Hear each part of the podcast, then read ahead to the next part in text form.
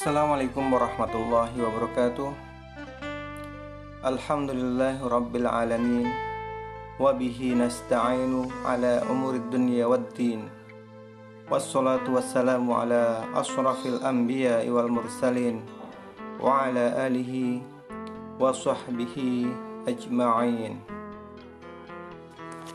First of all, I would like to thank Allah subhanahu wa ta'ala for giving us mercy and blessing until we can attend this class.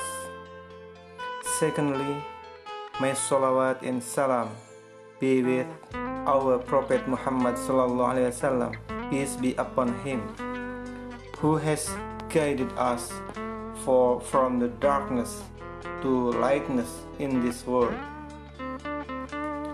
Thirdly, I will never forget to thank lecturers who has given me opportunity to deliver my speech in front of you.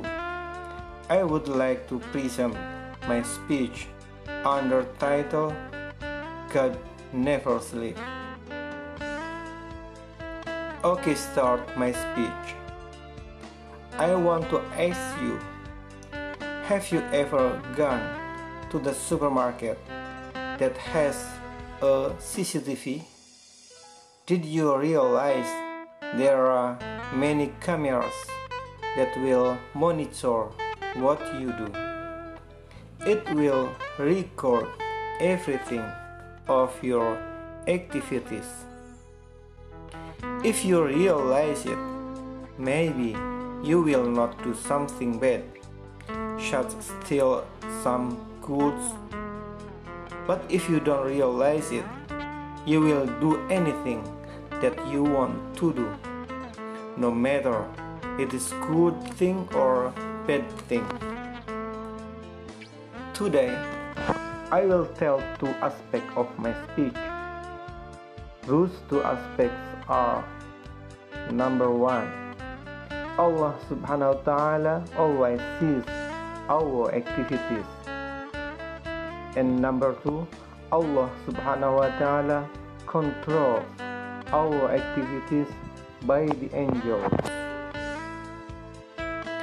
Like CCTV in a supermarket, there are many monitors in our life and it will record everything of our activities. As human being created by Allah subhanahu wa ta'ala, we should realize that Allah subhanahu wa ta'ala is all seer about everything of us. Based on Quran Surah Al-Baqarah ayat 233 Wattaqullaha wa'lamu annallaha bima ta'maluna basir and fear Allah and now that Allah is all seer of what you do. From that surah, we know that Allah subhanahu wa ta'ala always sees everything of our activities. He is never sleeping. Allah subhanahu wa ta'ala will knows wherever, whenever, and whatever of what you do.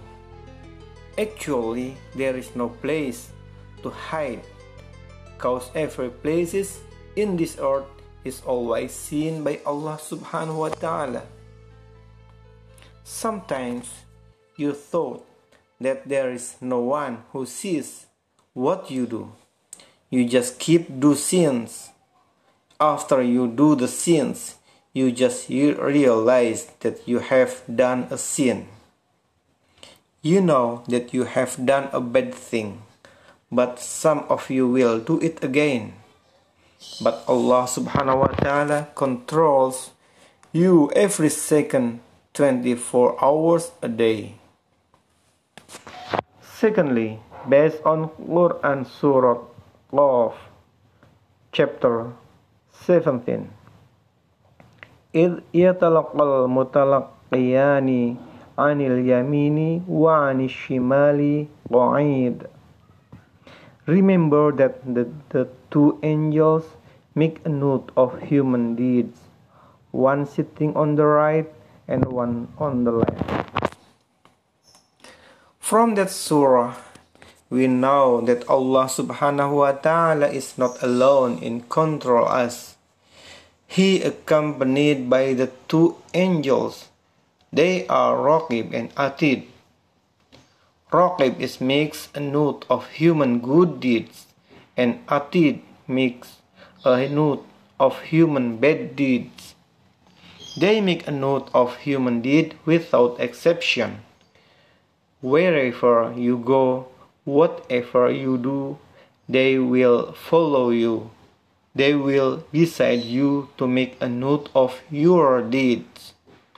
In conclusion, I realize that Allah subhanahu wa ta'ala always sees everything that we do, although there is no one who sees and knows it. But sometimes we do not realize that Allah subhanahu wa ta'ala sees what we do. We keep to sins.